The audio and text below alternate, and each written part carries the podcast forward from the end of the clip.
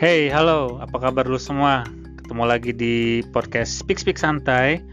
Kali ini gue bareng sama temen-temen gue, kita akan ngebahas mengenai relationship nih. Uh, gue menanya, apa sih uh, makna suatu hubungan nih, pacaran gitu kalau yang udah punya pasangan nih, coba nih Gimana? Siapa dulu? Edi atau siapa nih? Mas Akram. Kenapa selalu dipancing-pancing nih? Jam terbangnya lebih tinggi. Tai, tai, tai. Kalau uh, buat saya nih Mas Okja kan kebetulan sedang ada pasangan ya kan. Siap. Kalau pacar atau cewek gitu menurut saya sih uh, lebih ke apa ya istilahnya kalau di ini partner kali ya.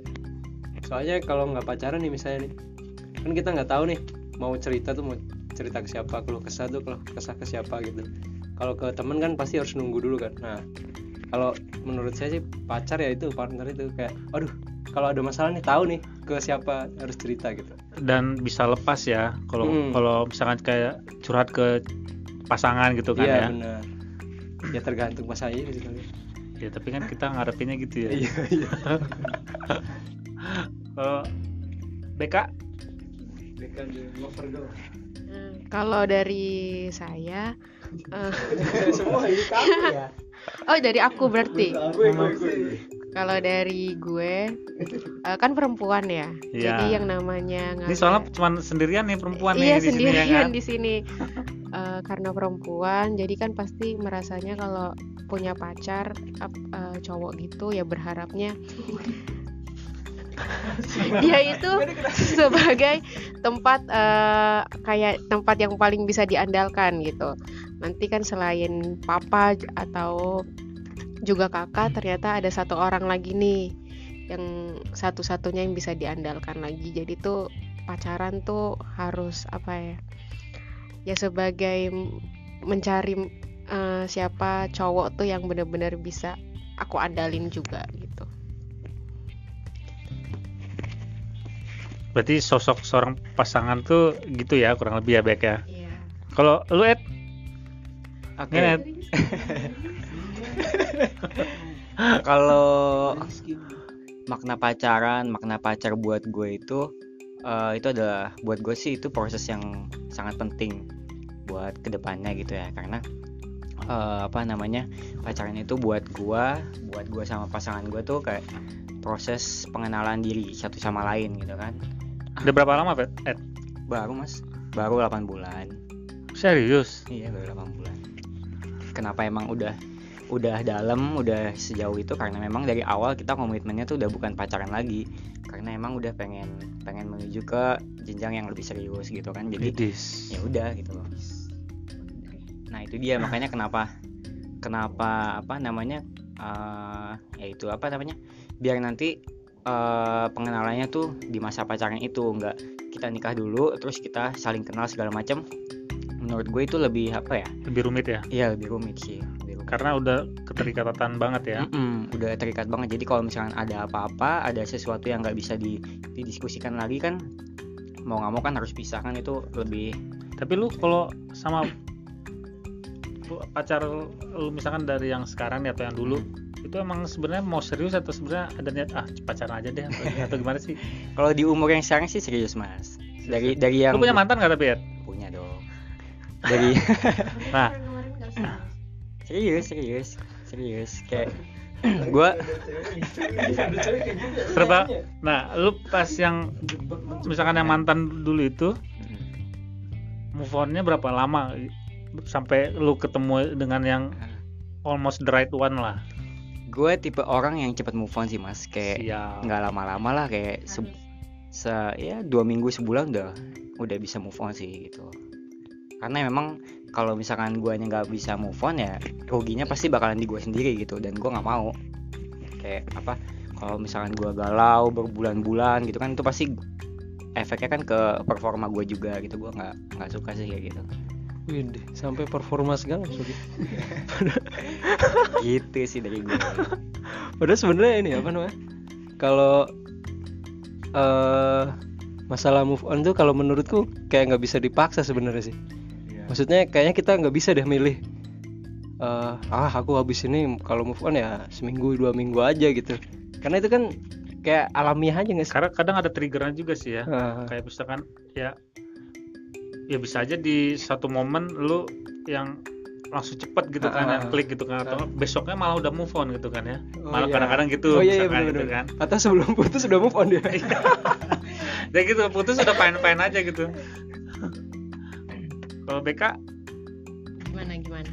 tanggapannya baik gitu misalkan eh, lu sesusah apa sih atau pernah segampang apa sih untuk move on gitu misalkan Kalau aku sih sama sih kayak Mas Edi. tapi move on tuh kadang-kadang sebenarnya nggak harus nggak harus misalkan move on tuh jadi lu punya cowok, Cowok baru, gitu enggak, kan, enggak, sebenarnya enggak kan. harus.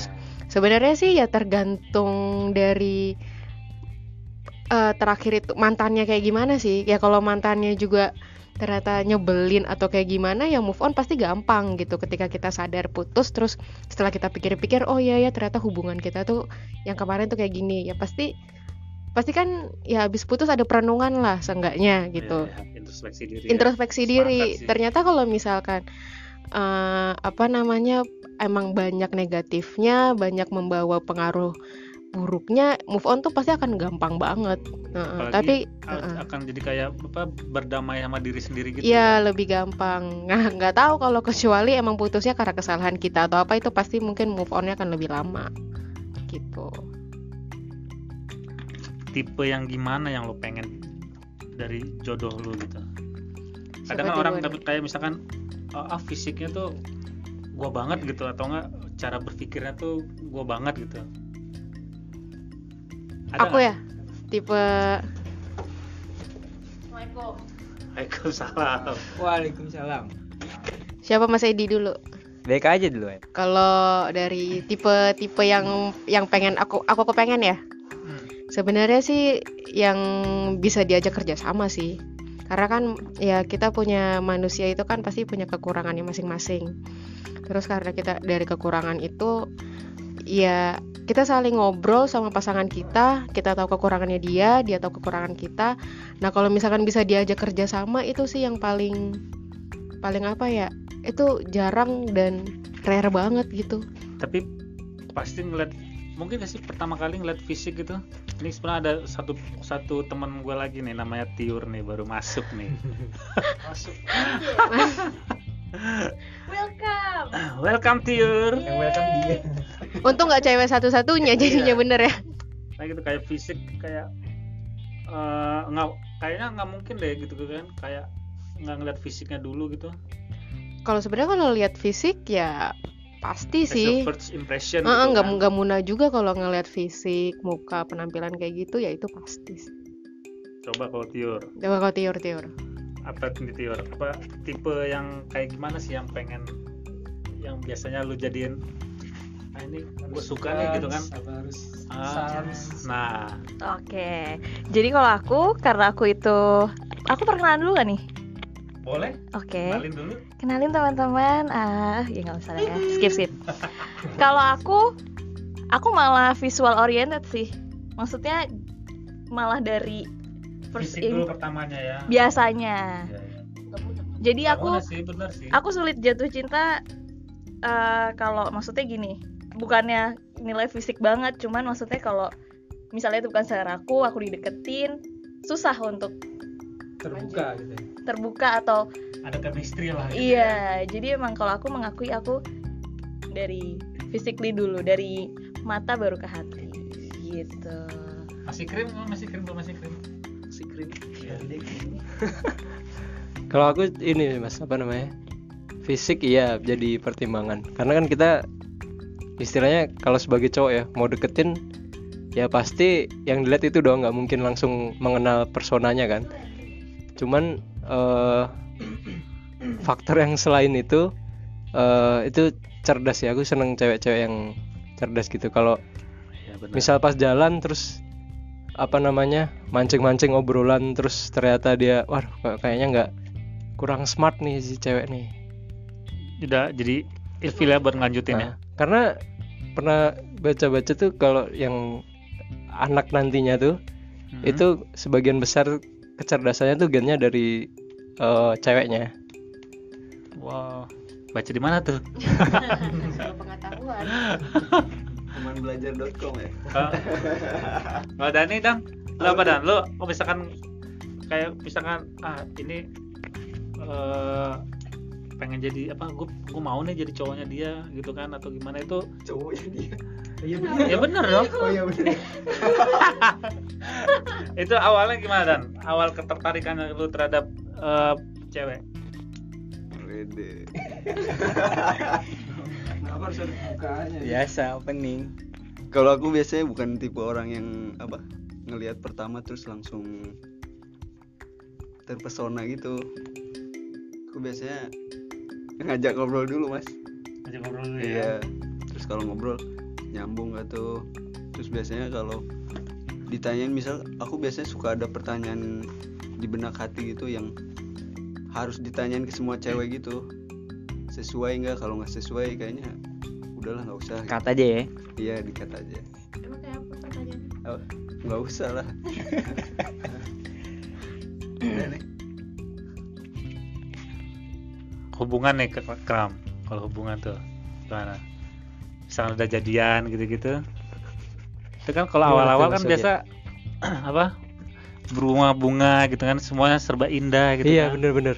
nah pas udah Iya, menjalani sebenarnya harus ditanya tuh cewek deh yang kayak gitu nah cowok juga gitu sih Iya sebenarnya cowok juga gitu. Iya kan Terus nggak taunya eh maksudnya pas awal tuh kita belum bisa lihat jelek-jeleknya gitu. Misalnya kita ya awal-awal wah nih bagus banget nih nih cowok nih atau nih cewek nih. Eh nggak taunya dia main pukul gitu misalnya ya kan. Cewek. Iya bisa aja, bisa aja kan. Atau si cewek terlalu posesif gitu kan jadi nah, itu toxic Nggak sehat. relationship tuh nah iya tuh bener Iya kan Iya, ya? iya, iya. Nah, coba ada yang bisa jelasin nggak toxic in relationship menurut ya mungkin definisi mungkin yang pernah ngalamin yang aja pernah kali ini ngalamin sebagai gitu. kurang ajar kurang ajar Lah iya bener gak tapi? Nah Tiur juga pernah kan? Pernah.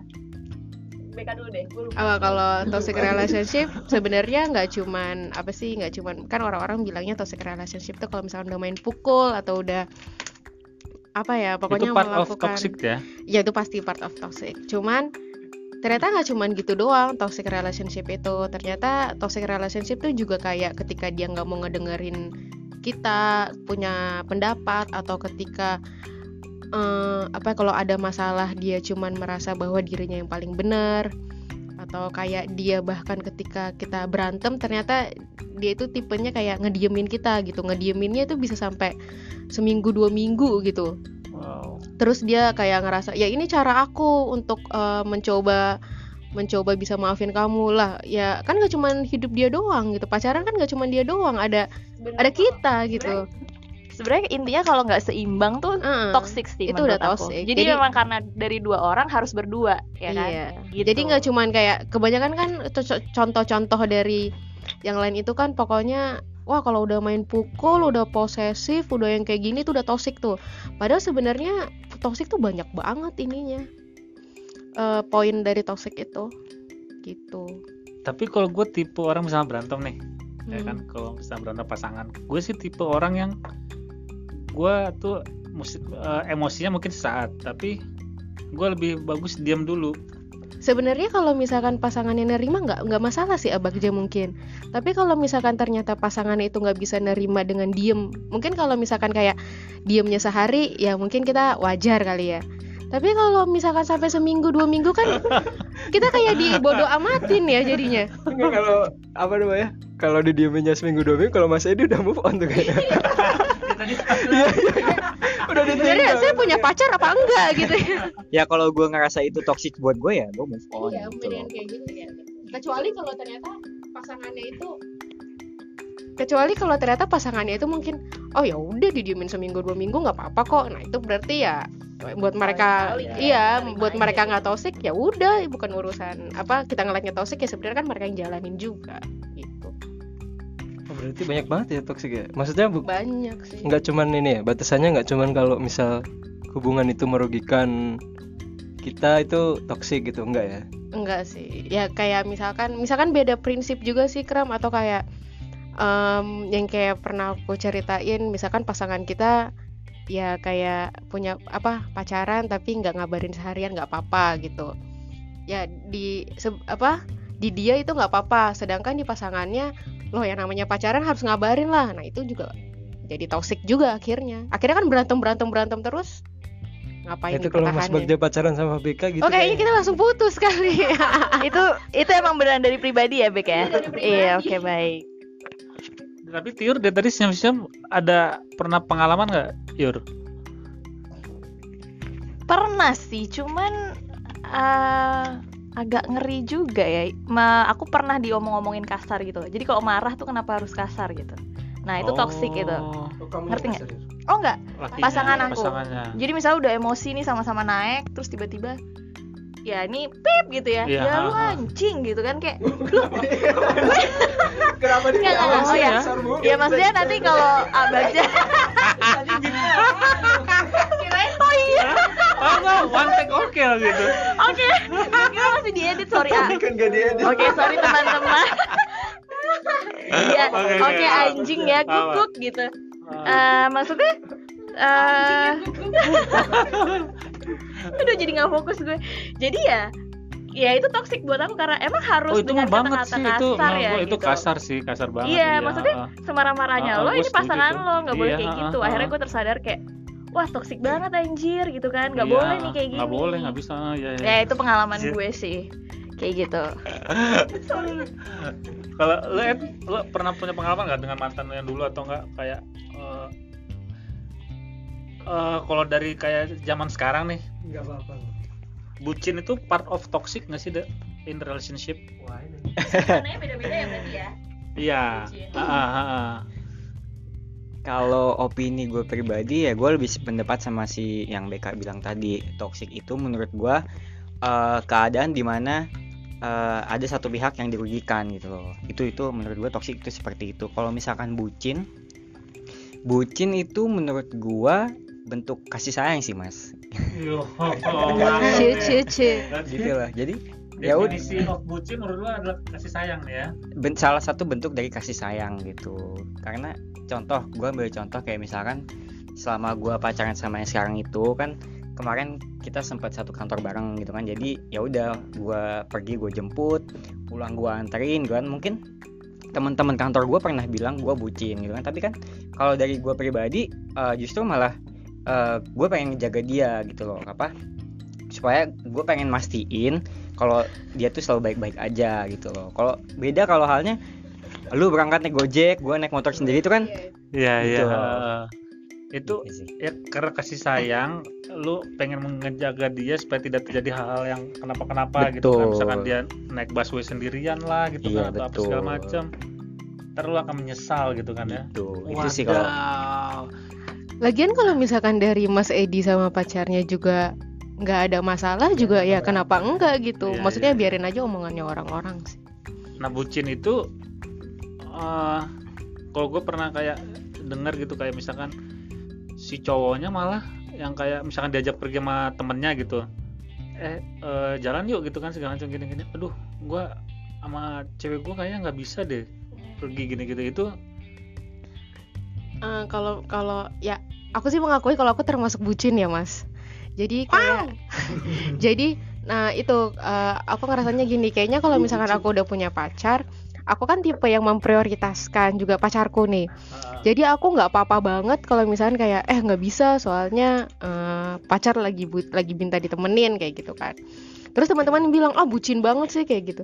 Terus aku yang ya udah nggak apa-apa nggak masalah asalkan pacarku ini tidak merasa dicuekin nggak merasa nggak dihargai aku justru lebih fokus ke eh, aku nggak mau pacarku tuh ngerasa dicuekin atau nggak dihargain. Aku mendingan dibilang bucin sama teman-teman dibanding aku ngerasa pacarku tuh tidak diprioritaskan. Oh so sweet. Gitu. Oh, bucin Depok sama bucin bintaro. Bintaro. Ayo bucin ketiga ngomong lah. Enggak lah nggak bucin ini. Berarti sebenarnya kalau berarti sebenarnya kalau apa namanya? Ah bucin itu istilahnya label orang tuh nggak penting gitu buat Mas Edi sama Mbak Becky gitu ya iyalah Iya, karena enggak, ya kan kita ke depannya kan bakal hidup sama istri kita Hmm. bukan sama mereka oh gitu. iya, jadi iya ya sih udah. bener sih berarti ini Mas Bagja apa namanya bucin sama apa namanya toxic itu berarti kadarnya mungkin bisa beda-beda di tiap pasangan gitu ya dan sih? itu dan itu cap orang lain sih ya ke ke suatu pasangan itu kan ya Iya nggak sih? Jadi kayak Tep- tapi sebe- ya sebenarnya sih bagi mereka itu fine aja gitu ya. Tapi ya hati-hati juga sih kalau misalkan kita ngerasa ya misalkan kita mengaku ini kita bucin tapi kalau misalkan juga ya harus hati-hati juga takutnya dibego-begoin juga kan sama pasangan kita saking kita bucinnya Ah. misalkan. Nah itu itu akhirnya masuk ke toxic tuh jadi tapi tadi gue menarik tuh yang omongan eh, lu Ed yang apa? Eh yang kayak nganterin segala macam gitu ke mana-mana dibilang kan orang bucin padahal itu kasih sayang gitu. Nah kalau kasihan itu part of kasih sayang nggak? Itu kayak kasihan gitu. Ah kasihan dia misalkan capek naik busway gitu bagusan gue yang nganterin gitu-gitu. Boleh jawab gak ah boleh. Banget. Kalau kalau kalau gue dari sisi wanita sih misalnya gue dikasihani ya nggak apa-apa karena ya ya itu cara menunjukkan si pasangan kita dengan cara seperti itu maksud gue ya ya itu nggak bisa dibilang bucin juga sih. ya bucin cuman Berarti label itu emang orang lain yang ngecap sih Iya Ya, benar. orang lain yang ngecap. Karena itu itu part of kasih sayang tadi sebenarnya gitu. Jadi bukan lu driver gue atau lu Iya, ha. ojek online gue gitu ya bukan gitu. Karena sayang gitu. Silakan Mas Edi. Ya, lanjut aja lanjut aja mas Iya, apalagi gitu ya. apalagi Enggak kalau kalau dari aku nih aku kan eh, malah jadi tertarik tuh sama kasihan itu. Soalnya dulu pernah ada nih temenku yang jadian itu basicnya karena kasihan gitu. Ngerti gak? Itu beda lagi ya sama kasusnya yang di ya maksudnya gimana tuh bukan maksudnya misalnya ini cewek ini udah berkali-kali dideketin gitu istilahnya terus dia akhirnya ah iya istilahnya luluh gitu. Oh. Cuman kalau aku ngeliat sih karena kayak karena kasihan ya sih. cewek ini cowok ini kasihan. Eh, nah itu lulu dalam arti kasihan karena ah dia udah berjuang se- segitunya gitu kan ya? Atau gimana? Nah iya itu. Cuman akhirnya tapi jadi jadi nggak lama pacarannya. Jadi kayak pas dihubungin ya emang nggak cocok. Ya udah akhirnya putus oh. Makanya kalau menurutku kalau emang udah jadian kayaknya si cowok nggak akan ngerasa itu kasihan gitu ya peduli aja dia peduli Iya, gitu peduli. Edi. karena kasihan tuh kesannya kayak apa namanya kayak meng- aduh kasihan mengemis banget gitu ya Iya, iya, bener, bener. Jadi mungkin sebenarnya Mas Edi juga bukan kasihan sih ke pacarnya. Ah, kasihan nih dia kalau pulang malam-malam. Iya. Mungkin lebih karena Mas Edi eh, juga kayak pengen ngabisin waktu lebih lama lagi. Ya itu kasih Oh, so sayangnya dia. Oh. Gitu. berarti so sweet juga jadi cowok ya Harus ada nih.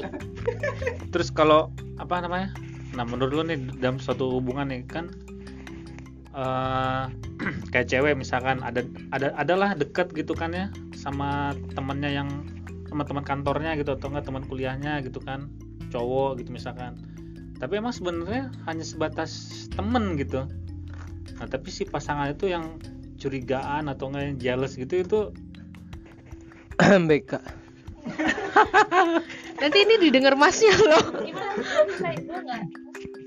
itu eh, itu sama pasangan. ah jealous itu pasangan. ah jealous itu oh maksudnya dia gampang curigaan gitu ya Ah, maksudnya jadinya kayak curigaan atau nggak jealous atau apa segala macam gitu itu bagian dari kasih sayang eh, atau toxic Iya. atau baru diomongin apa gitu nggak ini kayaknya menarik kalau dari sudut pandangnya BK dan Tiur kayaknya kayak menarik kayak. Yakin ya ini ini bisa perdebatannya bisa sampai besok coba kayak coba maksudnya. coba.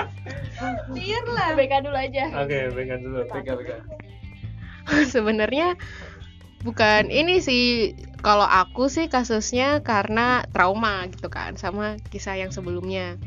Oke, Jadi nah. lebih lebih waspada, kayak lebih curiga. Apalagi yang kasus sebelumnya itu justru karena insecure jadinya tahu kalau ternyata tuh ada masalah dalam hubungan.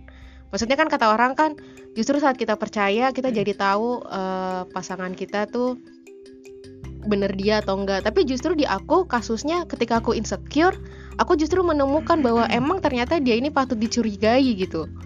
jadi nah ke sini sini akhirnya ya tetap uh, lebih waspada lebih insecure lagi dan kalau misalkan jealous lebih parah ya ya kalau ya, ya insecure itu berarti part of jealous itu kayak keram Iya, ya jel- kan? kalau karena- jealous sih ya selama juga misalkan kita bilang ke dia nih, kok kamu kayak gini sih kayak gitu. Ya kalau misalkan dia kenapa dia tidak tinggal menjelaskan aja gitu. Oh, eh, enggak tadi kayak gini aja gitu. Ya kan tinggal dijelasin doang. Kalau kalau aku sih ya, soalnya kalau misalkan pun nanti dia juga ngerasa yang sama kayak aku, kok kamu deket banget sama ini gitu. Ya aku juga tinggal ngejelasin doang. Gitu. Maksudnya dan aku juga bisa membatasi pertemanan gitu kayak tadi aku bilang aku Iya. bucin aku memprioritaskan perasaan pasangan aku jadi aku kayak pasti kalau punya sahabat cowok tuh juga nggak akan yang gimana gimana jadi emang ya emang udah ada batasnya gitu ya ya eh, berusaha memberikan batas dan berusaha menjaga hatinya nah andaikan si cowoknya itu misalnya cowoknya BK gitu kan Mm-mm. dia juga punya teman akrab gitu yang perempuan perempuan gitu gitu kan yang yang men- menurut eh, menurut BK kok kayaknya deket banget sih mereka gitu, gitu. nah itu gimana ya ah ah. Sebenarnya kalau itu sih pasti jelas pasti. Cuman aku juga mempunyai sisi kayak eh, dia ini eh, pasti sahabatnya ini udah kenal lama sama cowok aku dibanding aku. Jadi aku juga tidak ingin mem- memutuskan persahabatan mereka gitu. Karena kan karena kan pasti juga sebelum kenal sama aku pasti dia lebih kenal sama sahabatnya ini dong. Dan aku juga juga tidak mau merusak itu. Cuman aku mengharapkan dari pacarku ya kamu tahu mana yang lebih prioritas seharusnya aku atau dia gitu. Kecuali kalau dia sudah memberikan sikap-sikap yang kok malah lebih prioritasin sahabatnya atau kayak lebih milih sahabatnya. Nah, itu baru kayak aku eh, lebih le- ak- kayak apa sih akan aku lebih curigaan ternyata. lebih aku ajak bicara sih kok kayak gitu banget gitu. kalau nah gue nanggepin Eh, kalau untuk pertanyaan itu sama nih mas ini terjadi juga di cewek gue sekarang cewek gue tuh kan punya sahabat cowok mereka udah deket banget gitu kan. Deketnya tuh udah udah lama banget gitu kan. Jadi ya, apa namanya gue sih bisa menerima. Karena memang eh, dari awal gue ketemu cewek gue gue udah diajak masuk juga ke pertemanan mereka itu persahabatan mereka itu. Jadi gue tahu siapa cowok ini gue tahu gimana dia segala macam. berarti dikenalin ya. Nah, jadi supaya nah supaya lebih secure jadinya. Jadi eh, sisi positifnya ya gue juga bisa nitipin dia eh, nitipin cewek gue ke dia. Kalau misalkan gue lagi nggak sama Wow. cewek gue nitip maksudnya nitip jagain gitu loh. Serem juga sih nitipin nitip jaga gitu loh maksudnya. Percaya banget. Percaya. Terus juga kadang kalau misalkan yang yang cemburu sama teman kantor itu gue juga jujur tipe orang yang cemburuan gitu kan sama cewek gue apalagi kalau itu tadi dia terlalu dekat sama teman kantornya gitu. Nah eh, apa ya? Gue tuh percaya sama cewek gue tapi yang nggak gue percaya adalah lingkungannya. Itu yang oh, oh Itu yang- itu yang iya, selalu gue iya, iya. tekankan sama dia. Oke, pokoknya betul. pokoknya ya gimana? enak deh coba tir tir ada tanggapan nggak tir? Gitu. Iya benar. Gue setuju sama omongannya mas Edi. Nah, yang gue percaya pasangan gue tapi gue Iya. nggak percaya sama lingkungannya. Karena apa? Kadang tuh kalau misalnya aku nih mas aku sama pacarku eh, aku juga punya sahabat cowok di kantor misal gitu. Misal akram gitu ya. Aku bisa aja makan siang sama dia berdua tapi emang kita pure temenan gitu. Hmm.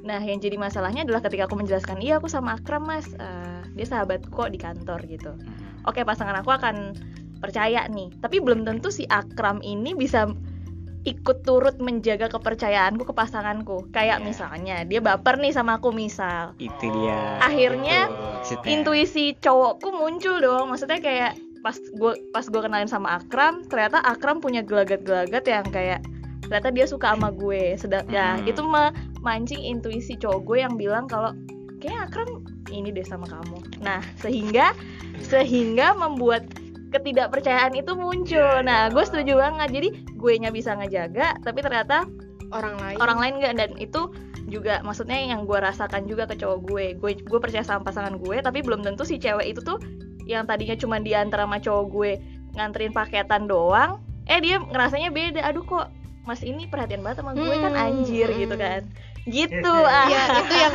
itu yang kita takutin. Jadi mungkin saat iya kayak tadi misalkan aku makan berdua sama Mas Edi atau sama Mas Akram atau sama Adani gitu. Ya, apa sih? Aku tuh bisa ngejaga itu gitu. Nah, ketika Rai juga bilang ya disebutin lagi Ya. namanya.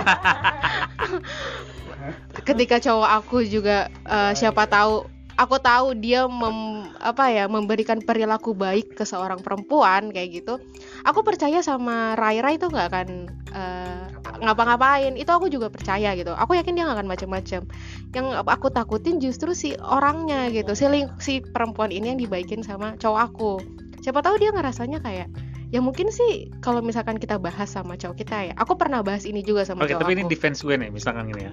Hmm. Eh, kalau dari gue nih, andaikan ada eh, teman deket gue gitu kan, yang yang yang yang ternyata si perempuan ini suka sama gue gitu kan.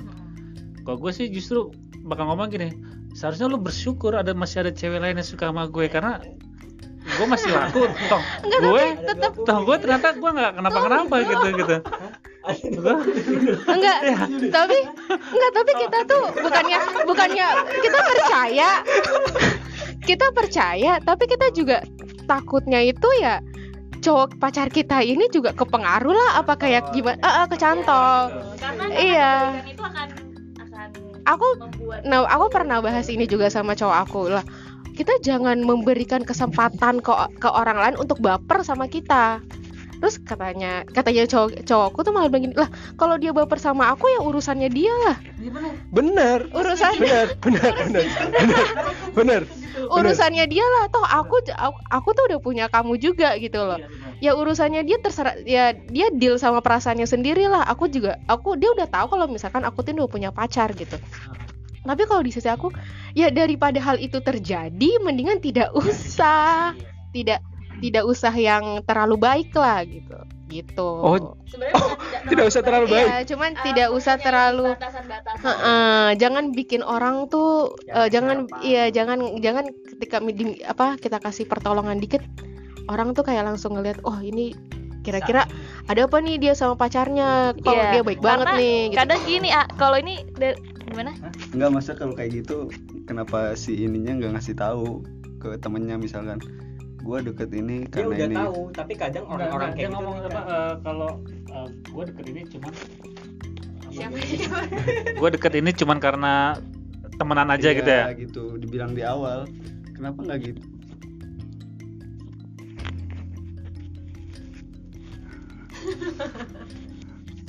Iya, iya, iya. lagi dong masuk jadi si Tiornya malah keluar ya? Iya padahal tapi ini pro kontra sih tapi pro kontra iya, iya. sih. Karena kalau kalau dari sisiku ya ya masa kita harus membatasi hubungan kita dengan orang lain gitu? Ya itu itu makanya itu dari yang Ya, yang, harus yang- membatasi dong apalagi di saat kita punya eh, seseorang ya pacar yang yang yang benar-benar kita prioritasin gitu loh. Perasaannya juga kayak gitu. Jadi daripada nyakitin perasaan pacar ya mendingan cari aman gak sih? Cuman bukannya harusnya cewek tuh lebih seneng kalau istilahnya dia dipilih tuh bukan gara-gara dia satu-satunya opsi gitu. Cuman dia si cowok nih banyak opsinya nih cuman tetap milih si cewek gitu kan lebih seneng harusnya kan. Hmm. ya nggak Mas Bagja? Iya. Benar. Iya nggak? iya iya iya. Iya gue lebih ke situ sih gimana nih sebenarnya gitu, duta duta insecure bintaro gimana nih? Jadi kayak apa namanya eh dari seribu orang wanita gitu istilahnya gitu kan dari seribu orang cewek gitu dari banyaknya cewek gitu eh, yang gue pilih tuh emang kamu gitu karena emang kamu banget lah bagi bagi aku gitu misalkan bener. Karena gue nggak peduli juga sih perempuan-perempuan lain yang suka sama gue gitu. Bener. Untuk cowok-cowok Tapi lu faithful nggak seperti ada. loh. Tapi lu nggak ada yang nggak Enggak. dipercaya kan lingkungannya. Kalau gue sih lebih ya itu tadi. Gue ngejaga banget hati cewek gue perasaan cewek gue gitu kan. Nah terus ya udah makanya sebisa mungkin gue nggak mau ngasih celah buat orang lain gitu loh. Iya. dan dan kita juga secara nggak langsung mengha- mengharapkan itu dari pasangan kita itu juga dia. kan iya gitu. Gitu. Nah, j- iya kita tuh percaya sama pasangan kita. Yang kita nggak percaya itu lingkungannya, lingkungannya bener. Jadi ya di satu sisi kita percaya pasangan kita milik kita ya kita senang gitu. Cuman ya nanti kalau misalkan ada orang lain yang baper sama pasangan kita kan kita nggak bisa ngontrol. Jadi daripada daripada ya lebih baik lebih baik tidak usah mencari masalah keberatan yang mulia? Kalau-? Enggak kalau dari kalau dari statement itu ya, kalau menurutku kalau kalian percaya sama pasangan kalian, harusnya kalian percaya si pasangan ini bisa ini bisa mengatasi lingkungan yang kayak gitu gitu. Percaya, percaya, tapi tetap nggak percaya juga sama lingkungannya Iya. di mana pun dia berada. maksudnya maksudnya? Berarti dari dari berarti gini kram maksudnya tuh gua gua gua nangkap sih maksudnya. Jadi kayak sedia payung sebelum hujan sih gitu. dan ini juga sih walaupun juga pasangan kita misalkan eh, berbuat baik sama teman kantornya Hmm. ya kita tetap apa ya kita per- tetap percaya itu gitu loh. Tetap percaya pasangan kita ini nggak akan ke mana-mana dan tetap akan bisa menjaga hati kita. Lingkungannya ini loh takutnya ketika pasangan kita berbuat baik dia jadi kayak eh, si lingkungan ini berpikir yang aneh-aneh oh kok dia baik banget ya sama sama gue itu yang pertama atau enggak kayak kenapa ya dia baik banget sama gue emang lagi pacar sama pacarnya lagi kenapa, Kenapa lagi ada masalah gitu kali ya. ya gue bisa masuk kali ini ya kayak gitu gitu Iya iya iya. iya, Nega- iya, udah iya, negatif iya. thinking duluan sih emang Iya. Eh, ya, ada benernya juga sih Iya, gitu ada kan. bener ya. Nah, terus misalkan gini, lu putus nih misalkan sama sama sama pasangan lu, terus pacaran lagi sama orang lain gitu, and then putus lagi. Eh, itu kayak yang mulai dari nol apa? Dari nol lagi lah gitu kan. Eh, itu kadang membuat orang yang kayak, gue juga minta pendapat sih kayak misalkan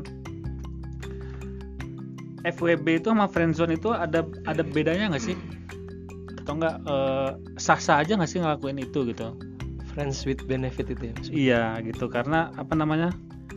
eh, Sebenarnya kayak ah jalanin aja dari dulu gitu kan. Ke siapa tahu ntar memang kalau berha ber- apa selesai gitu kan ya udah selesai aja tanpa ada hati yang gimana gitu. Tapi kalau misalkan akhirnya bisa lebih ke lebih serius lagi ya udah gitu.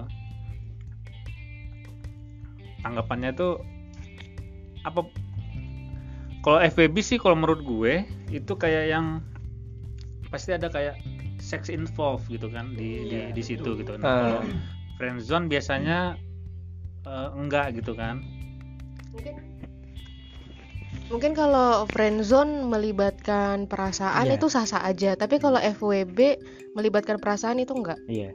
FWB mau kita misalkan aku FWB sama satu orang cowok terus eh, aku bilang kayak gini duh kok dia nggak chat aku lagi ya gitu. Sebenarnya aku tuh nggak bisa kayak gitu. Karena aku tuh mencari keuntungan doang di dia gitu. Misalkan aku kayak berpikir kok dia nggak udah nggak chat lagi ya? Kok dia udah nggak nelpon lagi ya? Kok dia udah nggak ngajak keluar lagi ya? Kayak gitu. Itu nggak bisa itu kan belum melibatkan perasaan ya. Itu nggak bisa. Tapi kalau friendzone kan ya mungkin aja bisa. Kalau itu pendapatku. Mas Akram dulu deh. Friendzone FWB. Boleh dong. Aduh, ini yang Ini, ini diharap-harapkan kita nih. lagi masuk ke uh, FWB atau friendzone. Ini kayaknya ranahnya Tiur juga kayaknya nih. Lu gimana kram? Lanjut kram. Enggak kalau oh ini FWB, friendzone, HTS tuh beda-beda lagi ya. Terus berarti. HTS beda lagi ya? Iya, HTS mah sama sama beda dong. Friendzone tuh FWB. Eh, coba coba kalau kalau kalau dari definisi lu kram. enggak kalau kalau punya pengalaman nih kayak Mas Akram nih. enggak enggak bukan bukan. kalau FWB kalau. HTS sama apa namanya? Friendzone. Ah, Itu kalau friendzone kan temen kan istilahnya. iya. Ada harapan buat jadian tapi ya udah Tem- sebatas teman aja kayaknya sih gitu ya kalau sepengetahuan gue. Tapi kalau emang FWB itu ya udah lu berhubungan bahkan berhubungan tuh sampai sex involved itu. Kalau friendzone kan kayaknya udah ya masih masih di permukaan aja gitu sih mas. Sih? Masih di permukaan tapi sayang-sayangan gitu. Usyang aku usyang. Sayang-sayangan gak sih friendzone itu? Gue sih Tapi kalau chat misalkan gue kayaknya nggak pernah sih. Nah, kayak- bedanya di situ tuh. HTS-an. Nah, itu HTS tuh Mas Bagja. Ah, ah, ah. sayangan tapi tidak ada Nah iya kalau sayang sayangan tapi kayak kok eh ya gue pacaran gak sih kayak gitu nah itu baru HTSan kalau friendzone ya kayak eh tolong dong antarin gue se apa namanya tapi saling perhatian gitu walaupun Iya, udah makan apa Oh. belum? Kayak gitu-gitu. Tapi melibatkan perasaan mungkin. Nah, kalau FWB-an nggak bisa tuh pakai perasaan. Hah, Tiur kayaknya Nggak boleh, nggak boleh. Lebih tepatnya bukan yang nggak bisa sih, tapi nggak boleh pakai perasaan menurut gue. Pasti pakai sedikit sih, meskipun lebih banyak logikanya. Iya, gitu. Ah ya, kita kan juga manusia ya pakai perasaan Hmm. juga, tapi tapi kalau misalkan kita sampai berpikir panjang kayak yang nanti gue bisa nggak ya jadian sama dia atau kayak gimana kayaknya kalau FWB-an susah deh. nggak bisa Kalau FWB apa? Berarti kalau FWB itu emang sebenarnya ya f- eh, benar-benar nggak pakai perasaan gitu ya. Eh, Kalau pakai perasaan juga lebih kayak yang eh, apa ya? Ya is- yang ya di, di nomor sekian gitu kali ya. Kalau HTS HTS lebih kayak ke misi aja kali misi waktu Sayang-sayangan tanpa status. Iya, cuman cuman bikin terpuaskan aja ini ada yang perhatiin gitu Ada yang ngabarin. Itu kenapa ya? Nah itu itu apa namanya yang jadi takut berkomitmen Nah, betul. Takut Takut, berkomitmen. berkomitmen. Karena Karena memi- memikirkan terlalu banyak resikonya. Oh, nanti kalau gue jadian sama orang ini trauma A, B, C, D, E, F, G banyak gitu. Nah, jadi ya udah daripada gua gua kata orang gue pacarnya ini padahal gue masih pengen ngelakuin A, B, C, D, E, F, G tadi ya mending gue sayang-sayangan tapi tanpa status. Kayak gitu.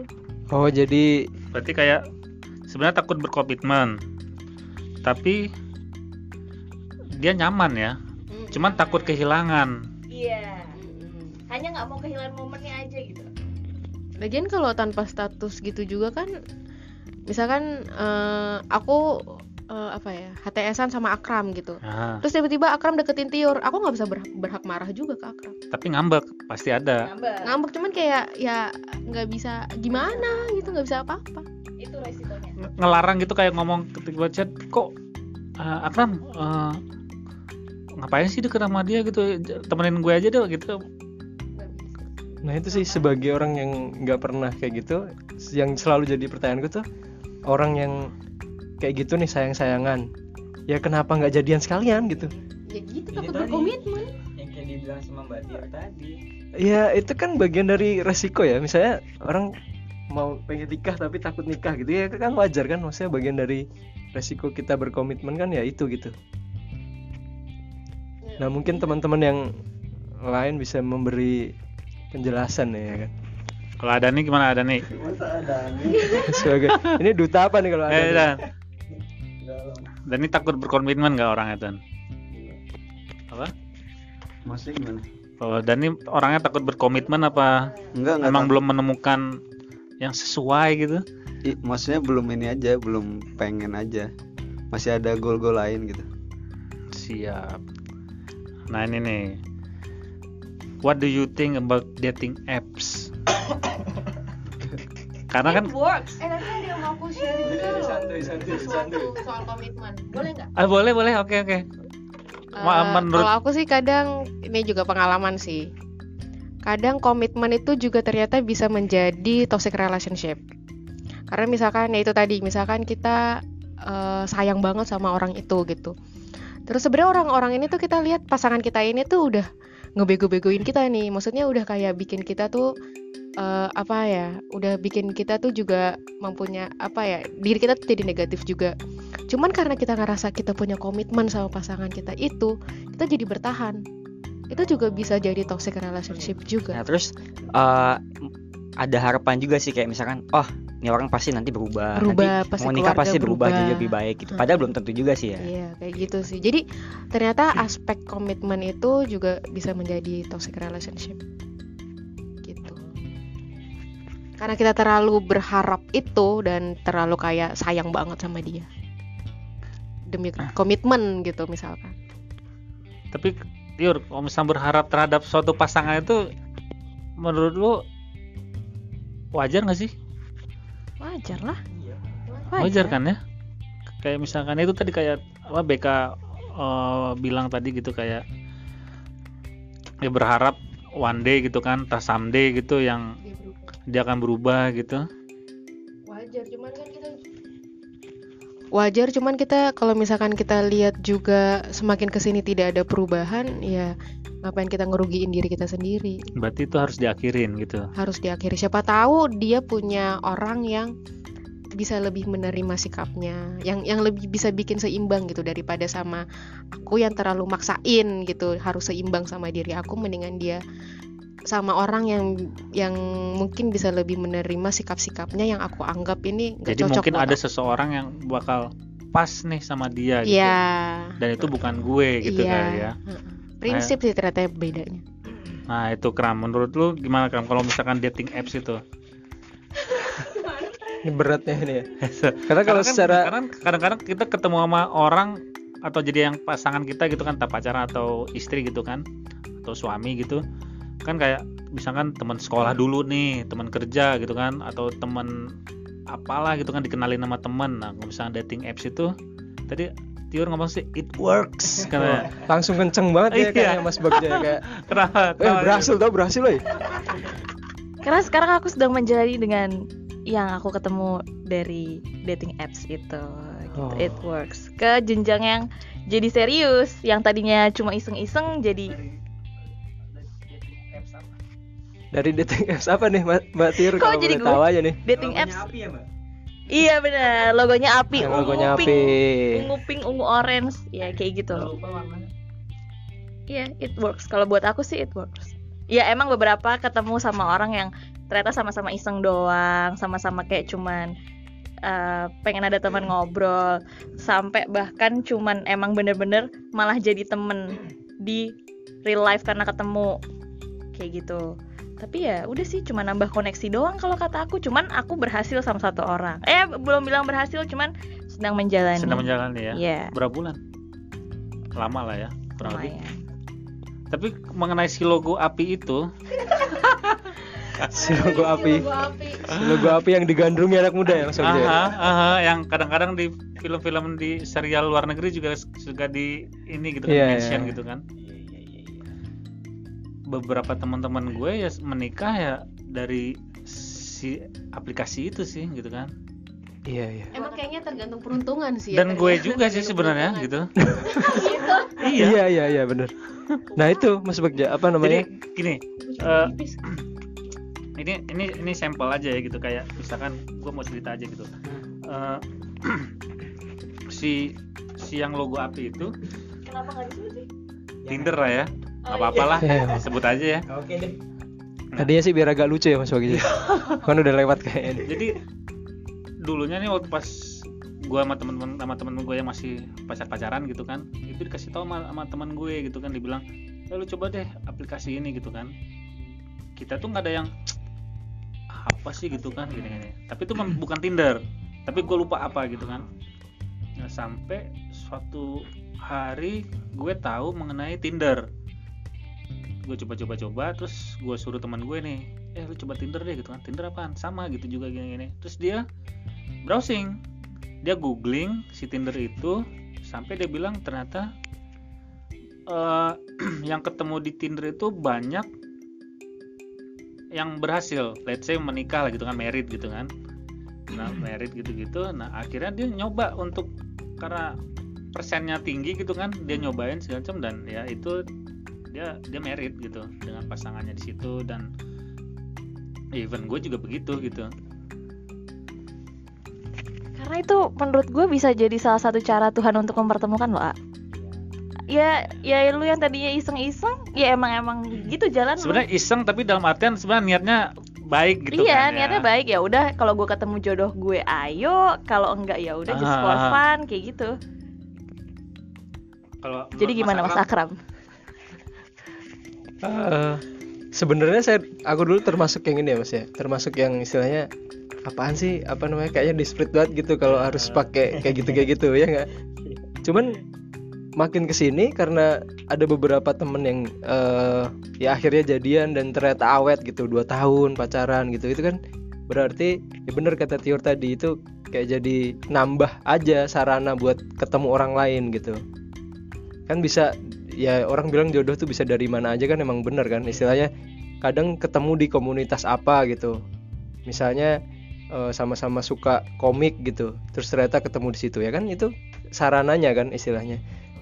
Jadi kayak istilahnya komunitas itu adalah aplikasi kan bisa aja gitu bisa kan aja sebenarnya ya gitu. ya ya benar-benar dan ini juga contoh nih bahkan sepupu gue itu ketemu di Tinder.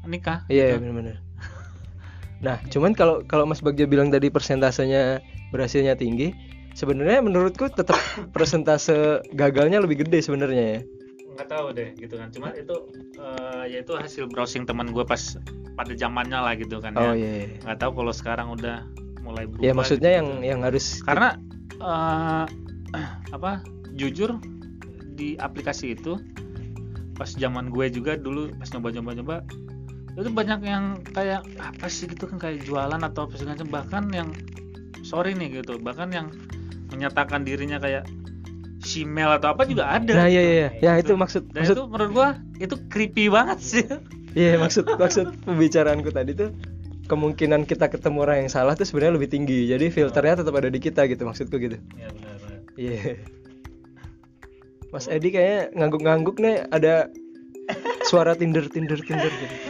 Ya gue harus mengakui sih gue alumni Tinder gitu kan. Waduh, pantas aja dari tadi ngangguk, ngangguk alumni loh ya alumni berarti udah lama gitu kan gue udah gak make lagi. pernah lah tapi ya. Udah pernah gitu kan yang ya itu tadi apa namanya di situ juga gue sempet sampai pacaran sama beberapa orang sempet juga cuma ketemu doang terus ya udahan gitu kan. Cuma kebanyakan dari pengalaman gue adalah gue mencoba aplikasi itu jujur dengan tujuan gue pengen nyari yang serius gitu kan. Bukan cuma bukan cuma just for fun doang gitu kan kalau yang just for fun tinggal swipe kiri lah gitu kan nah terus Wede. kalau ya. Iya kan kalau just for fun ya. Kalau yang udah serius banget ya tinggal katasin gitu kan. sampai bayar nggak Hah? sampai bayar sampai bayar nggak aplikasinya kan ada Enggak, enggak, enggak. ada yang bayar kan kalau bayar tuh lebih premium istilahnya gitu Enggak, enggak. Oh, kirain bayar tuh bayar orang Oh, gitu. premium si itunya Emang so keuntungannya berbayar tuh apa? gue lupa kalau misalnya bayar itu jadi kalau misalkan kita Lu dia bisa kita bisa ngeliat siapa yang like kita. oh iya itu Gitu. salah satu Itu salah keuntungannya terus bisa berapa kali swipe ya Iya, ke atas. eh bisa nggak bisa berapa kali nge likes gitu Bintang tuh kalau ke kanan kan like tuh. Gue jadi paham banget. Mas Edi kayaknya duta Tinder Depok nih kayaknya. Kepada kepada pacarnya Mas Edi. Karena- karena pernah uninstall itu di, di, Tindernya. di kantor aja gitu pernah nih kita lagi hening nih lagi hening banget kan nggak ada suara apa apa orang-orang pada ya pada diam lah gitu fokus di kantor Bet- ada khas bunyinya kan kalau Iya, kalau iya, match kan iya, iya. cing sering kayak gitu itu Ketahuan banget gitu ya. itu langsung semua orang langsung langsung set gitu kan Cie match gitu ya. cie matching gitu aduh Nah, balik lagi Mas, kayak ya itu tadi gua kan sebelum sebelum gua install Tinder itu gua udah berkomitmen diri gua gua mau nyari yang serius gitu kan. Tapi ternyata gua berhasil sampai jadian tapi begitu gua jadian ternyata itu tadi lebih banyak negatifnya sama nih orang gitu kan. Jadi akhirnya ya udah gitu aja nggak lama, sebulan doang jadian, dua bulan doang pacaran segala macem gitu. Sampai akhirnya gua ketemu yang beneran di dunia nyata yaitu yang sampai sekarang gitu. and it's fun gitu ya Iya. lu menjalaninya ya Iya gitu. Nah ini nih, terus gua mau lanjutin ke quarter life crisis. Wadah. Nah,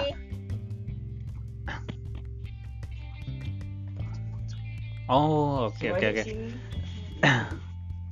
Oke, terus eh ya itu tadi gua mau mau bahas mengenai quarter life crisis dalam satu hubungan itu atau apalah gitu yang pernah lu rasakan. Beka duluan aja, mau? Enggak ya? Apa-apa dulu aja nanti baru. Heeh, Apaan ngomong? iya. Dulu aja tuh. Enggak cuman apa namanya? Eh, kalau ngomongin quarter life crisis tuh sebenarnya kan banyak kan Mas ininya. Rata-rata kayaknya tuh masalahnya kalau nggak Iya. har- apa harta Ekonomi. Tahu wanita. eh eh apa ekonomi ya?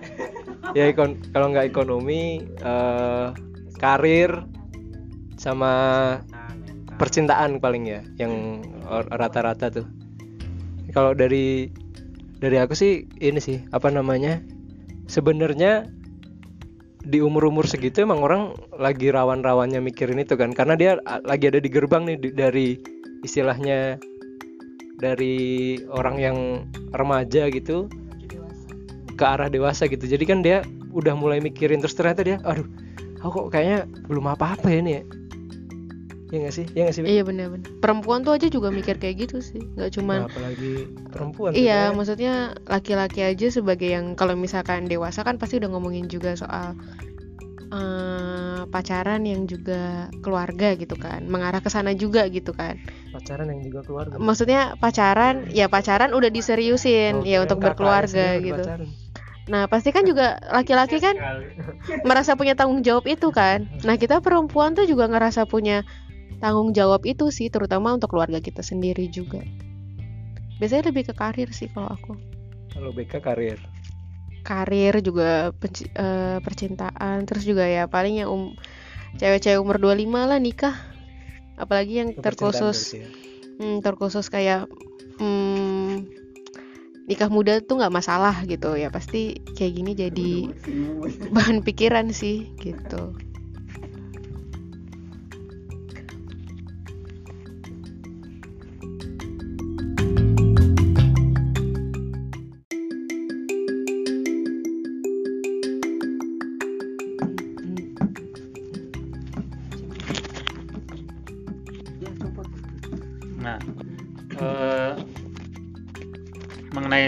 quarter life crisis tadi gitu, kalau lu sendiri Ed, itu lu pernah merasakan hal itu nggak sih?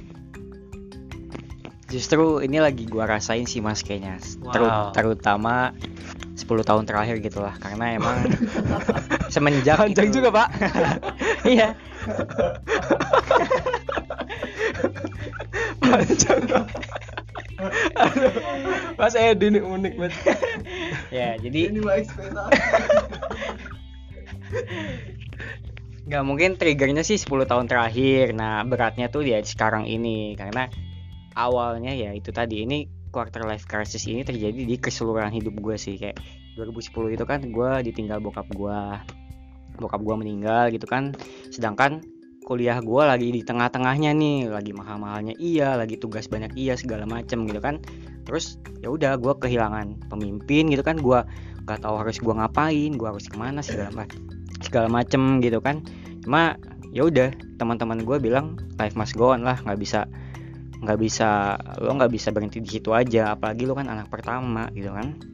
Anak pertama terus yang baru lu juga yang apa namanya pertama kuliah di keluarga lo jadi mau nggak mau ya gue harus jalan terus gitu kan. Udah dari situ gue mikir gitu kan ah, gimana nih cara dapat duit buat buat makan buat jajan buat bayar kuliah segala macem gitu kan. Sampai akhirnya ya alhamdulillah gue bisa lulus. Nah setelah lulus pun ya kayak gitu juga. Setelah lulus gue harus lagi yang berbeda iya ya? gue harus gue harus cari kerja gimana caranya nih gitu kan. Eh, ngelamar kerja harus gimana biar gampang segala macem gitu kan.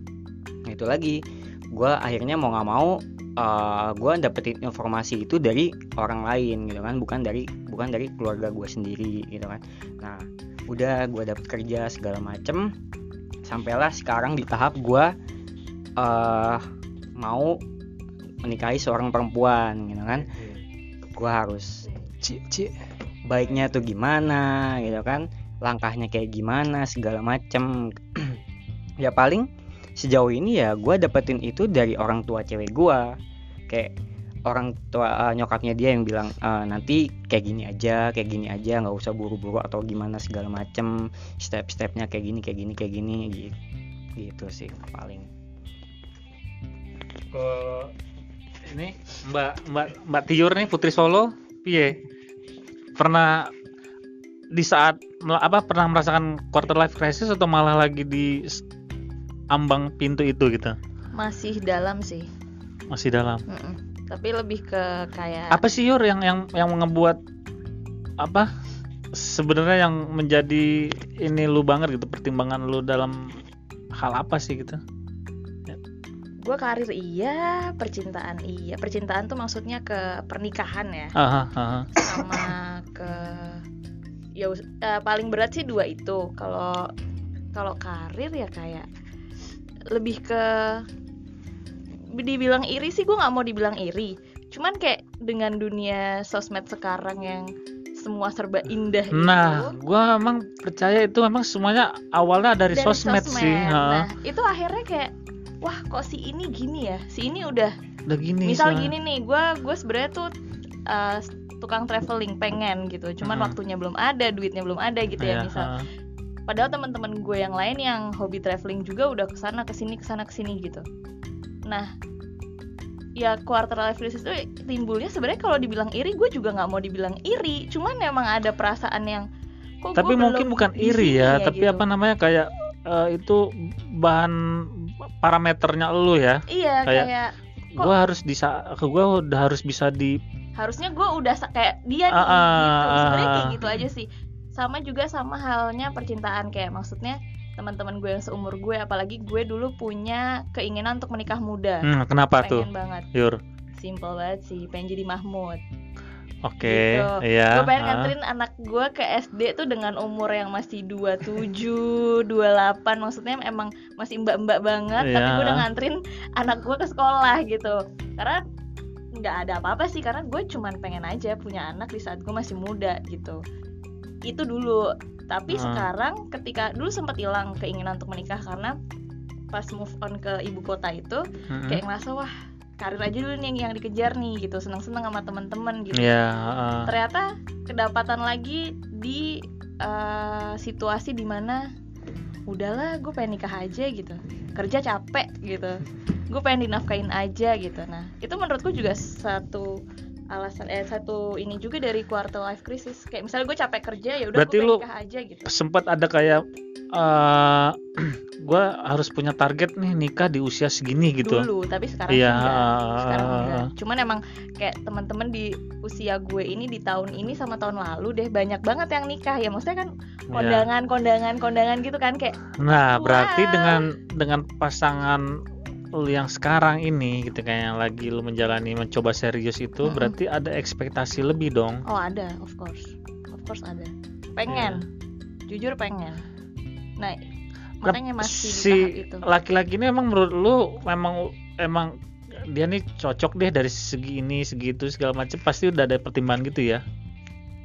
kalau pertimbangan ya selama masih dijalanin aku rasa masih cocok-cocok aja soalnya memang aku sendiri bukan tipikal yang misal emang udah nggak cocok tuh kayak dipaksain mending udah aja karena kayak ngebuang waktu kan ngapain. Nanti harus ngulang lagi sama orang yang baru. Sedangkan ekspektasi gue adalah di quarter life crisis gue ini adalah gue pengen cepat-cepat misalnya Hmm, hmm. ya gue pengen menikah gitu eh tapi sama ini nggak worth it nih ya udah mending gue kelarin aja dan gue akan ketemu sama orang yang baru lagi Yang Karena kan yang harus- menurut lu dia akan lebih worth it gitu ya. ya pastinya dong Iya, maksudnya kayak iya, untuk iya, mengulang iya. lagi Oke, kan oke, kayak oke. ngapain sama orang yang sama gitu kayak gitu sih Masa masih krim? kalau yang menarik ya dari pembicaraan kalian tadi menurutku eh sebagian besar mungkin sem- semuanya kali ya semua krisis yang ada di kita itu semua kegalauan itu asalnya dari standar sosial gitu. Itulah kenapa nikah muda itu nggak jadi istilahnya kegalauan orang-orang yang di luar negeri gitu mungkin. Mungkin mereka lebih condongnya masalah karir gitu Lebih masalah karir, ya. masalah krisisnya gitu Tapi Eh, menurut gua memang yang menikah muda itu kayaknya sekarang kayak lagi apa ya? Kayak lagi hype lah gitu. ya karena itu tadi Mas Bagja apa namanya Yang kayak yang- sosial apalagi Iya. Gue dengan- kayak yang dibilang Tior tadi gitu kayak misalkan ngelihat gara-gara melihat sosial media ya sosial media itu nggak harus teman-teman Nah, kita iya gitu iya benar bahkan ya influencer influencer gitu kan yang menikah Iya. muda segala macam gitu-gitu gitu It- iya sih itu setuju banget cuman eh, ada nih pengalaman ada temen temanku yang nikah muda gitu dia kebetulan Hmm. cewek kan. Eh, ada satu curhatannya yang aku inget terus makanya aku nggak begitu galau soal masalah menikah tuh. Karena gini eh nikah muda itu sebenarnya kita yang punya eh, kendali. Maksudnya gini banyak orang yang mendambakan nikah muda tapi istilahnya itu karena keinginan doang gitu. Sebenarnya kesiapannya belum ada gitu-gitu. Nah yang pa- yang terpenting adalah bukan nikah muda baik atau enggak. Yang terpenting tuh kita sebenarnya udah ini Siap atau apa belum belum gitu, gitu ya? Udah siap atau belum. Karena sebenarnya ini orang beda-beda tetepan. Maksudnya gini nih misal kamu udah pengen banget sebagai cewek misalnya ya Iya. sebagai cewek udah pengen banget. Nah kalau belum ada pasangan yang cocok masa kamu ketika ada orang yang istilahnya dalam tanda kutip sembarangan gitu orang yang Mhm. kamu nggak kenal terus datang Mhm. ke rumah langsung kamu mau gara-gara pengen nikah doang gitu istilahnya Ta'aruf ya. Kalau itu mah ta'aruf masuknya. Kenapa? bukan itu kan nggak sembarangan dong kalau tahu Iya, iya, iya. maksudnya asal pacaran aja asal mau gitu kan nggak nggak memikirkan matang-matang gimana gue akan hidup sama orang ini untuk selamanya gitu nah kan iya betul Iya, iya, setuju sih. Sepakat, makanya aku sepakat. percaya nih sebenarnya target nikah itu nggak make sense. Yang make sense adalah target siap menikah. Setuju. karena gini target target menikah itu kan berarti melibatkan dua orang kan? Iya. maksudnya si pihak cowok dan pihak ce- pihak cewek. Nah kalau kamunya udah siap dan ngebet banget kalau pasangannya nggak ada gitu misalnya ya ber- ya masa kamu stres gara-gara deadline-nya lewat gitu targetmu. Cuman kalau kamu menargetkan diri aku pengen nih siap siap nikah di tahun 2020 misalnya. Ya berarti itu kan kontrolnya ada di kita kan? Ya setuju sih gue sama Mas Akram kayak gue juga bukan penganut orang yang pengen nikah muda gitu apalagi nargetin umur. Mungkin dulu juga gue waktu masih kuliah segala macam wah gue mau umur 25 gue udah harus nikah nih segala macam cuma seiring berjalannya waktu kok ternyata dunia kayak gini kan kenyataannya kayak gini. Jadi ya udah gue nggak bisa nih gue nggak bisa idealis sama tujuan gue tadi ya kan? Gue balik lagi harus balik ke reality kan? Kalau emang gue belum siap ya ngapain gitu? Jangan daripada nanti gua nyesel pas di tahap selanjutnya mending gue persiapkan dulu sampai matang nih sekarang. Gitu sih kalau gua. Boleh revisi dikit nggak?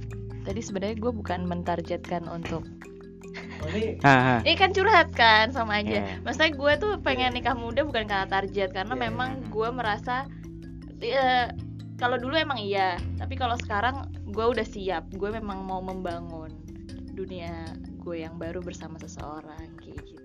Gitu sih. Ada nih Ada gimana nih, nih? aja, mau bener. sampai kapan ngurusin AI ya AE sama ini? Iya nih maksudnya kalau sudut pandang dari Ada nih. Adani kayaknya menarik gitu karena kan dia paling muda kan di sini. Kagak dong dia dua-dua tuh. Sumpah lu. Oh my god jadi apa nih ya apa soal Adani udah mulai ngerasa itu nggak quarter life crisis masalah pernikahan mungkin atau masalah karir? Mungkin eh, apa quarter life crisisku ini kali apa lebih ke karir. Eh, apa ini apa gimana sih jelas Menjemput eh, eh, karir lah ya. Iya. Untuk sampai ke certain level mana gitu ya Iya. karirnya. maksudnya dulu pernah ini sih maksudnya pernah bingung gitu bimbang kok gua gini maksudnya lihat orang kayak gini sebenarnya pas lulus SMA tuh udah mulai ini sih mulai istilahnya Krisis. hopeless lah Lah, udah Hopeless kenapa dan? maksudnya gue bisa kerja nggak ya gue bisa ya? Oh. Dan ternyata lu bisa kan Dan- sekarang ini gitu. dan pada itu wah gue lihat YouTube segala macem akhirnya ya udahlah yakin sama itu sama desain kan ya udah udah yakin banget tuh berarti udah ngelebihin ekspektasi kan Iya. nah pas gitu pas realitanya nggak segampang itu kan ternyata Iya. gue pengen kerja di sini ya istilahnya harus SMK segala macem Ah. nah di situ udah mulai aduh nih gue Atau harus S1 gitu kan Iya, ya. harus Ah. S1 di situ gue udah bingung banget tuh maksudnya gimana lagi ya istilahnya gue udah gue udah usahanya udah sama lah sama yang S1 gitu tapi kok gini terus ya dan sering-sering lihat sosmed kan ini juga ngaruh iya. Iya. Benar sih, sosmed sih sebenarnya awal permasalahan gitu dia kan. dia kuliahnya gini gini enak kayak gini gini Ya tapi misalkan lu coba flashback lagi ke belakang Nah, dan lu dan- lu dan- remind sekarang gitu kan. dan pada akhirnya udah mulai ini sih mak- maksudnya sadar gitu oh semua orang punya jalannya masing-masing dan ya udah kita jalanin jalan kita aja sendiri Dan Yang itu penting- bisa lu lakukan sekarang Iya. ini gitu kan. dan akhirnya ya udah kalau ada apa-apa ya udah. Itu mungkin jalannya dia. Kalau kita jalannya beda ini aja yakin. Eh, ada sedikit keresahan nih mas kayak tapi gua eh, kayak kayak mas bilang tadi kan kayak nikah muda tuh kayak jadi hype gitu kan maksud gua. Eh, jadi seolah-olah nikah muda itu adalah standar baru sekarang gitu kan. Nah orang yang yang udah melakukan itu tuh kadang suka ini ayolah nikah lah ngapain lagi sih umur Iya. segala macam." heeh. men lu tuh nggak tahu apa yang dilewatin sama orang itu. Jadi nggak usah ngejudge dulu nggak usah. Kalau emang lu udah lu udah nik udah bisa nikah sekarang ya udah itu jalan lo gitu kan. Lu udah cukup happy aja sama yang udah lu dapetin nggak usah nggak usah ngejudge orang lain gitu sih. Kadang masih banyak banget gua nemuin orang-orang yang kayak gitu sih. Siap gimana? Mas Akram ada tambahan lagi? Merinding ya merinding. Iya ya aku setuju sih sama statementnya Mas Edi. Maksudnya terhadap semua hal lah. Kita tuh Iya. gara-gara sosmed jadi eh, mengharuskan standar gitu. Mengharuskan standar itu ke semua orang gitu. Sama kayak istilahnya statement-statement kayak apa namanya umur segitu kok belum nikah? Iya. apa namanya jangan terlalu ngejar karir lah gitu-gitu padahal kita sebenarnya nggak bener-bener tahu dia kayak gimana gitu Oke, berarti semuanya sepakat sih sebenarnya bukan sepakat tapi semua orang punya keresahan sih ya dan dan sosmed adalah apa ya pemicu dari semuanya sih Iya, ya. iya. Bukan iri gitu kalau ngelihat tapi kayak eh, ada parameter yang di umur segini seharusnya gue udah mencapai itu gitu. Iya, benar-benar. Oke, so sesiap apakah kalian dengan pasangan kalian? Udah punya target kah? What's your plan for your future? Ya, itu itu keputusan lu, lu yang jalanin segala macam. hmm. Wah, Oke. Sampai di sini podcast Speak Speak Santai kali ini. So, see you. see you